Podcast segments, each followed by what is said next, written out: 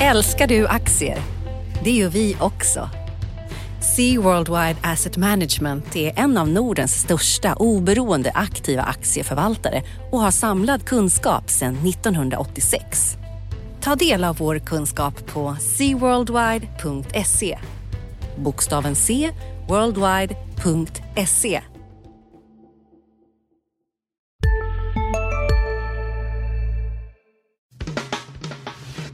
Analyspodden från Dagens Industri.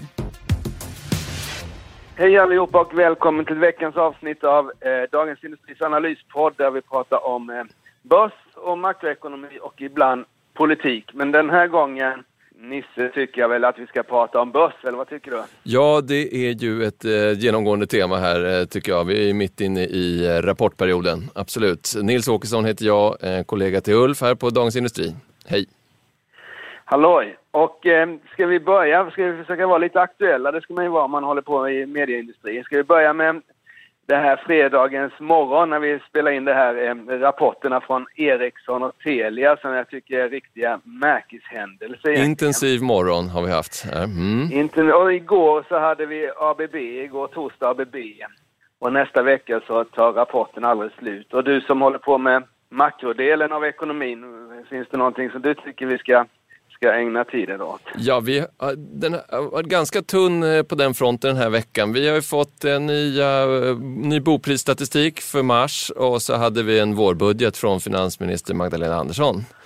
Just det, faktiskt. Den har man nästan glömt bort. Det går snabbt nu för tiden. Ja, Men jag tycker ändå vi ska väl börja med det som är blir, blir lördagens tidnings vänsterkryss, nämligen Ericssons eh, rapport här, Börje Ekholms Ericssons vad rapport. fick vi höra i morse då? Eh, det vi fick höra var en, eh, jag ska inte säga sprudlande glad, för det, det var väl en överdrift, men det var en eh, Börje Ekholm som är VD på Ericsson som var mycket tillfreds med det här resultatet. Och det har han nog anledning att vara, för man hade befarat en förlust på 600 miljoner inklusive massvis av engångskostnader, men det visade sig bli en vinst på 900 miljoner. Så det är en och en halv miljard bättre än vad man hade befarat och eh, det är egentligen interna grejer. För vad det gäller marknaden så, så landade omsättningen, försäljningen på den nivå man trodde och det var en nedgång jämfört med, med för ett år sedan och även för ett kvartal sedan. Så det är interna, internt arbete, de här stora besparingsprogrammen som nu börjar bita och eh, aktien stiger i detta nu då klockan, ja efter en timmes, timme, en och en halv handel så är, börs, så är Ericsson-aktien upp 17 procent och det är då den börs, bästa börs, största börsuppgången på mer än 10 år. Fortsätter vi upp någon procent till så är det mer än 15 år. Så det är Ja. helt, helt fantastiskt faktiskt. Ja, det låter ju eh, förhoppningsfullt här. Har marknaden rätt då? Tycker du det är en rimlig reaktion det här? Det verkar ju en enorm uppgång. Då. Ja, både och kan man väl säga. Eh, ja, eh, två miljarder i, i, i Bell, en och en halv i alla fall i bättre resultat är värt ganska mycket på ett kvartal och fortsätter han så här så är absolut dagens uppgång eh, motiverad. För den stora grejen är ju, det är ju att Börje Ekholm när han tillträdde hösten eh, 16 var det väl ett och ett halvt år sedan. Så, så pratade han en del och sen så till slut satte han ner foten och sa att vi ska omsätta ungefär 200 miljarder och göra en rörelsemarginal på 10% år 2020. Och det han säger då indirekt är att han ska göra en vinst på 20 miljarder. Och marknaden tror att han i bästa fall gör 13-14 miljarder 2020. Men det är klart att den här rapporten och så som Börje Ekholm uttryckte sig, att han ligger väl i linje med sina mål och sådär, gör ju att man kan börja fundera huruvida inte Börje Ekholm kanske till och med når det här målet. Och då ska aktien upp de här 17 procenten och den ska nog upp Eh, den ska upp 20 procent, 25 procent, 30 procent till om, om, om han infriar sitt mål. Det tror jag ju. Så den ska över 80, kanske 85 spänn till och med. Men som sagt var, det här var ett kvartal. Det är alltid stökigt i Ericsson. Eh, eh, det är inte så många kvartal sedan, det är väl till och med förra kvartalet som det var en rejäl jätteförlust och de har tagit massvis av kostnader och hållit på att dribbla med redovisningen och sådär. Så man kanske inte ska liksom eh, ta hem hela vinsten på ett kvartal, men det är åtminstone ett rejält fall framåt. Och sen ska det bli väldigt spännande att se Nokia, huruvida det är ett branschfenomen det här eller om det är faktiskt Ericsson som gör saker och ting rätt. Så det är jätteintressant. Men när det gäller Ericsson, är det, finns det något element av att Ericsson i, i kraft av sin storlek eller så att säga att det är så ikoniskt att det finns så många som gärna vill se att det här är början på, eh, på revanschen, att man vill kliva på tidigt? Ja, det, det tror jag det kan vara och det här med ikoniskt stämmer så tillvida att att om vi tar dagens börsdag, för nu har vi inte pratat om Telia, det måste mm. vi göra också så vi inte glömmer bort det. Ja. Men om vi tar Telia som är upp nästan 10% och Ericsson som är upp 17% så är det de två aktier som fortfarande är mest ägt av alla svenskar. Så ja. det är ju liksom en fantastisk dag för folkhems Folkaktiernas här. revansch. Det till och med påverka liksom eh, klädförsäljningen i helgen när man, om någon går in och tittar på sin, sin gamla trista trista börsportfölj om man nu har ägt Telia och Ericsson i 20 år eller så. Men idag är det en jättebra dag. Och det tror jag, och det är mycket, det är klart att Ericsson är inte lika viktig för, för Sverige som det var som det var förr i tiden. Nu gick de faktiskt under 100 000 anställda här. De har ju varit uppe på 200 000. Men detta kvartalet så minskar antalet anställda till under 100 000 och många av dem finns ju inte i Sverige. Så, men det är ändå som, som liksom, ska vi säga, nationalklenod och att det är ett högteknologiskt bolag så är det ju klart att det, det, det vållar ju uppmärksamhet när det upp så här som det gör. Mm, mm. Eh, Telia då, eh, morgonens andra stora nummer här. Vad, ja. vad kan vi säga mer om vad Telia berättade i morse? Ja, de berättade, det var också Johan Dennelind som är VD på Telia var också eh, positiv. Eh, resultatet var inte alls lika, lika eh, anmärkningsvärt som i Ericsson. Det var något litet bättre än förväntat och han höjde inte prognosen för 2018 annat än kassaflödet. Men den kurslyftet på 9% 10 här på förmiddagen beror till stor del att de beslutade att återköpa aktier mm. för totalt 15 miljarder kronor över tre år och räknar man lite baklänges så kommer man fram till det att det är 9% av antalet aktier och räknar man ännu längre baklänges så kan man väl liksom nu är inte jag makroekonom som du då, men så kan man väl säga att de betalar ingen ränta på de där 15 miljarderna i stort sett. Och det betyder ju att vinsten per aktie ökar eftersom inte kostnaderna ökar eftersom det är i stort sett gratis att låna pengar. Så ja. ökar vinsten per aktie då med 9% Vinsten är oförändrad men antalet aktier 9% färre och då ökar vinsten per aktie med 9% Och det är den uppgången vi såg nu och det, det är väl ett tecken. Det är en rejäl uppgång, eh, den är, kan vara motiverad framförallt så är det ett tecken på att Telia börjar bli mer aktievänligt än vad det har varit tidigare. Det har ju varit, ja, det är väl på tiden då. Liksom väldigt statligt och väldigt, eh, alltså den här turbulensen som har varit i Eurasien och massvis av gamla politiker i styrelsen och sådär. Det har inte känts fokus på verksamhet men det kanske man kan liksom hoppas på nu. Har du i huvudet där, hur ligger man till uh, om man uh, köpte aktier i Telia när det en gång sattes på börsen? Det sattes om man har legat på kvar där? Ja, det är ju en intressant eh, kalkyl då. Eh, man, noteringskursen, eh, eh, Rosengrens noteringskurs juni 2000 var eh, 85 spänn. Mm. Aktien står eh, 40 nu, så det är en halvering. Men ja. sen har det faktiskt fått en del utdelningar här de här 18 åren som inte hela vägen motiverar 85 spänn. Men jag tror att det börjar väl närma sig noll eh, om man räknar in utdelningar. Vad det gäller aktiekursen så är det fortfarande 50 procent mer. Men sammanfattningsvis, där, vad gör Telia rätt då? Det här är ju en eh, ren så att säga, finansiell eh, manöver, men, men vad säger bolaget om eh, hur det går? Det gick lite bättre i Sverige, men det var ju inte liksom... Jag menar, det är ju ingen... Det är ändå liksom Vinsten förbättrades lite i Sverige som den viktigaste marknaden men omsättningen backade lite. Det är ju det är så små, det är så stabila verksamheter det här så de räknar ju till och med liksom förändringarna i tiotals, eh, tiondelar av procentenheter. Uh -huh. Men, eh, och han sa att, han, att den här återköpen av alla dessa aktier inte utesluter förvärv och att han tittar och han vet vilka han ska köpa och han tror att många andra vet också. Det, och det handlar liksom om kompletterande produkter att bli liksom starkare inom ja, allting, fiber och, och telefon och, och, data så att säga, så att man blir en helhetsleverantör på alla sina marknader som man nu befinner sig i, de nordiska egentligen. Så där, men jag tycker nog att han var den stora grejen här är nog att man ska se det som att bolaget går från en period av kaos i Asien och där det har varit väldigt mycket fokus på, liksom, ska vi säga att, att allting ska skötas rätt enligt juridiken till Ja. att man nu blir lite mer affärsdriven och då är den här återköpsprogrammet en ganska viktig signal för det, det är klart att de ska återköpa aktier när, när räntan är så låg och deras eh, balansräkning har varit så stark. Den stärktes ju, de gjorde ju faktiskt en miljardvinst på, på Spotify-aktierna här så det, de använder de väl och sen så har de ju sålt av en hel del i, i, i Eurasien och ska väl sälja av ytterligare hoppas han. Mm. Så eh, aktieägarvänliga besked från både Telia och Ericsson idag, fredag då. Kan, kan man säga. Har vi något mer som Sista dagarna nu på vårens stora season sale. Passa på att göra sommarfint hemma, både inne och ute. Och fynda till fantastiska priser. Måndagen den 6 maj avslutar vi med Kvällsöppet i 21. Välkommen till Mio.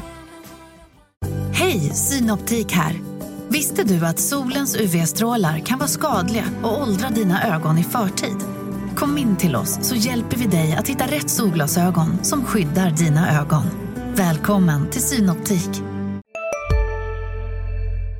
eh, från rapportveckan som gått här, vi kan väl säga att eh, rapportsäsongen inleddes den här veckan. Ehm, Vi hade ABB, är det något annat bolag eh, Just, förutom det? nej, men jag tycker nog ABB, ska man nämna någon utöver Telia och eh, Tele2 så är det väl ändå ABB. Den, aktien steg 5 eh, Inte så mycket för att resultatet var sådär fantastiskt, det var lite bättre än väntat. Men det var en ganska stor optimism från vdn där som pratade om ett jobbigt 2017 och att nu ser det mycket bättre ut på de flesta regioner faktiskt. Alltså Mm. det är en, en väldigt stark eh, eh, synkroniserad tillväxt i världen och det där är väl någonting som vi kommer ha med oss vidare i rapportperioden och det kanske flyter även in i dina, dina artiklar här, den här konjunkturutsikterna som då är från Ja, bolagens sida i alla fall alltid starka. Jag vet inte om det är något som du... jag tänker du på att är ABB också. brukar ju kallas för det här eh, sencykliska, eh, eh, typiskt sencyklisk eh, verksamhet då. Just Och det. det är väl den fasen som de flesta tänker sig att vi, vi börjar gå in i. Eh, en mogen högkonjunktur. Eh, toppen står vi på nu eller kanske är, är precis passerad när det gäller Sverige, eh, USA, eh, även Europa. Ehm, eh, Märks det i, i vad ABB säger om, om marknaden? Nej, det vill jag inte säga. Alltså, de var, skulle säga, mer optimistiska. Mm. Det är klart, som du säger, de är sencykliska så de ska ha sin bästa tid nu och det var väl det man kunde läsa in då, att Ja. det gick bra. Orderingången, det, nu är det ju lite projektbaserat det här så det kan ju stöka till det då, men orderingången var 5% upp organiskt.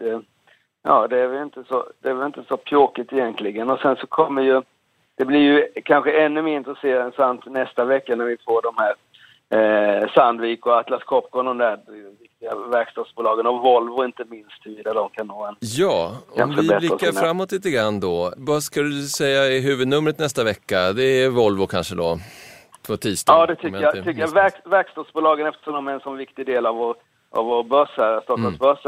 Och sen så bankerna. Vi har ju ändå inte sett någonting från bankerna så det ska ju också bli väldigt, väldigt intressant att se. Eh, det har var ju lite blandad, blandad konfekt förra rapportperioden med, eh, med bra från Swedbank, bra från SEB, dåligt från Nordea och eh, även Handelsbanken som hade eh, ganska rejäla kreditförluster i Danmark här. Så där får vi väl se hur, hur de har hanterat det där. Och sen så finns det nog något som inte kommer synas i rapporten, men som jag tror kommer liksom vålla frågor här, det är faktiskt den här rejäla uppgången för aluminiumpriset som vi har haft. Eh, det är ju en ganska viktig insats insatsråvara på många gånger, men den har ju skett egentligen i april den här, vad är det, 25-30 procent upp nu på Ja, det är en dramatisk uppgång där. Och det, vi hade ju det här stöket med eh, nya amerikanska sanktioner eh, mot Ryssland och då var det ju, riktades det särskilt mot eh, ett antal oligarker där och då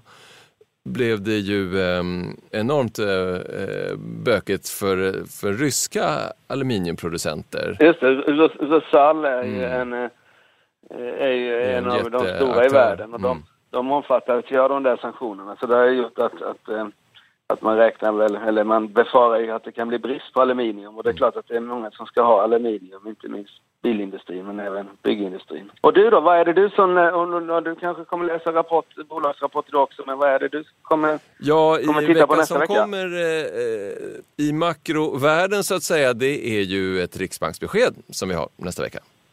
Eh, och där har vi ju då en eh, riksbank som är splittrad sedan förra mötet där eh, ju en av de, den, i den sexhövdade eh, eh, direktionen ville höja, Henry Olsson ville höja redan eh, i förra mötet. Övriga beslutade ju då om den här eh, räntebanan som handlar om att man ska höja efter sommaren, början på hösten. Eh, eh sen dess så har vi ju liksom ett dilemma försvårats för Riksbanken eftersom vi har haft, eh, året eh, har inletts med, med mycket svagare inflation än vad man hade mm. väntat. Nu senast hade vi marssiffran som ju var svag om man rensar bort för de energipriserna som har tagit fart nu. Då. Alltså den här underliggande inflationen den var klart under vad Riksbanken hade räknat med även i mars. Så man kan säga att samtliga tre månader vi, vi har sett här har, har varit eh, obekvämt eh, låg inflation eh, för Riksbanken. Å mm. andra sidan har vi den här svaga kronan som ju har trotsat alla förväntningar. Och den är den var som lägst tror jag i fredags förra veckan, nästan på 10,50 mot euron. Nu har den återhämtat sig lite grann den här veckan. Men det väntas ju ge inflationsimpulser. Så att å ena sidan har eh, inflationen lägre än vad Riksbanken räknat med. Å andra sidan har vi den här svaga kronan som är också då svagare än vad Riksbanken räknat med. Och det, svag krona vet vi att med lite eftersläpning, något halvår eller så, så ger det eh, högre inflation. Det ger inflationsimpulser. Importpriserna blir, blir högre. Och hur ska Riksbanken hantera det här då? Det är liksom svag inledning på året skulle ju eh, antyda att man, man skjuter, riks, eh, skjuter räntehöjningen på framtiden. Eh, mm. Svag krona skulle ju antyda att det kanske har blivit mer bråttom att höja räntan. Just det. Mm. Det är ett intressant spel och, då, och, och, politiken här då. Nu var det ju en vårbudget så det är den lilla budgeten av de andra. Men fanns det någonting där som Ja, man kan väl kommer... säga att, ja, det, det, eh, helt kort så var ju vårbudgeten eh, ganska tunn på, på nyheter. Det var eh, reformer för en, en, sådär en två miljarder, två och en halv miljard eh, som gäller för, för i år och det var ju mer pengar till kommunerna och, och den typen av, av åtgärder. Däremot så kan man konstatera att ehm, Ja, finansministern räknar till exempel med att eh, Riksbanken skjuter på ränt, första räntehöjningen till, till nästa år. Den bedömningen ja. gör regeringen. Men det, det, är hon ensam om det? Eller vad, vad Nej, då, det finns en del eh, bankekonomer som också eh, pekar på det, men det, det, är lite blandat. Flera av storbankerna eh, tänker sig att någon liten höjning innan året är slut, men lite senare än vad Riksbanken hittills har sagt. Eh, Ja, så det stack ut lite grann. Eh, finansministern ja. sa också då att hon hade, ja, hon bibehöll sina prognoser kan man säga när det gäller eh, tillväxten och ungefär samma när det gäller de här fina stora överskotten vi har i, i, offentlig, i de offentliga finanserna. Och det. kan man säga bädda för att den här vårbudgeten var ganska blygsam. Men innan vi har eh, val i höst här så kommer ju finansministern återkomma med prognoser, uppdaterade prognoser och förmodligen ett helt fyrverkeri av eh, reformer som man tänker lova om man blir återvald och eh, lägger för ja, nästa det, år. Mm. Det, och vad det gäller valet så brukar jag alltid säga när folk frågar mig att det är inte så viktigt eh, för börsen och sådär för det är en global ekonomi vi lever i. Men det, just det här valet känns som ett väldigt eh, ett väldigt spännande val på alla sätt. Ja. Man, har ingen aning, man har ingen aning om, om vad som kommer hända och vem som kommer liksom gå i säng med vem och sådär och hur det kommer se ut. Det enda man vet är att att striden kommer bli hård för jag har aldrig varit med om en sån, eh, ett sånt högt tonläge redan. Nej, redan i april. man kan väl säga att förra valet då, efter förra valet 2014 var det ju också så att säga eh, oklarheter innan vi, vi fick en, en regeringsbildning. Eh, nu kan man vänta sig eh, en, ännu längre eh, eh, sittningar bakom slutna dörrar och olika förhandlingar. Ja. Och, Och Ja. Man kan prata om att, vi kan väl räkna med att vi kommer ha en regeringskris efter valet så att säga. Det är ju det är, så att säga Ja, det, det, det, tror jag, det tror jag man får. Men det. eh, jag menar, eh, förra, efter förra valet så hade vi då en, en viss eh, eh, trassel där och sen hade vi det här med decemberöverenskommelsen då när, när det var, nästan var dags för nyval. Eh, Men eh, marknaden reagerade ganska lugnt på, på allt det där eh, stöket Ja. den gången. Skillnaden Ja. nu är väl då att ja, regeringskrisen kan dra ut på tiden. Det är mycket Ja. mer oklart vilka majoritetsbildningar som det kan bli i riksdagen.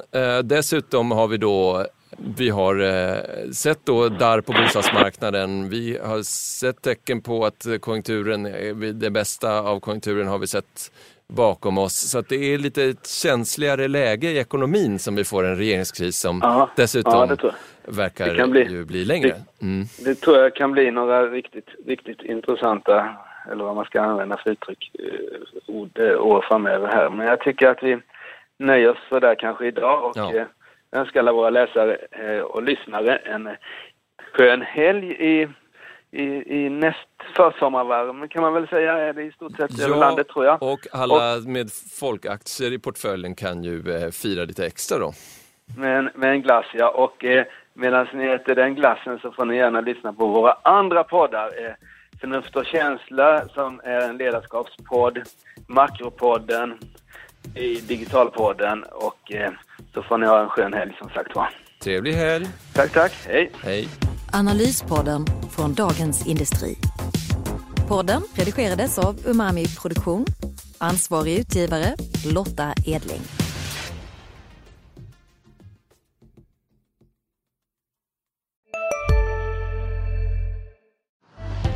Älskar du aktier? Det gör vi också. Sea Worldwide Asset Management är en av Nordens största oberoende aktiva aktieförvaltare och har samlad kunskap sedan 1986. Ta del av vår kunskap på seaworldwide.se. Bokstaven C, worldwide.se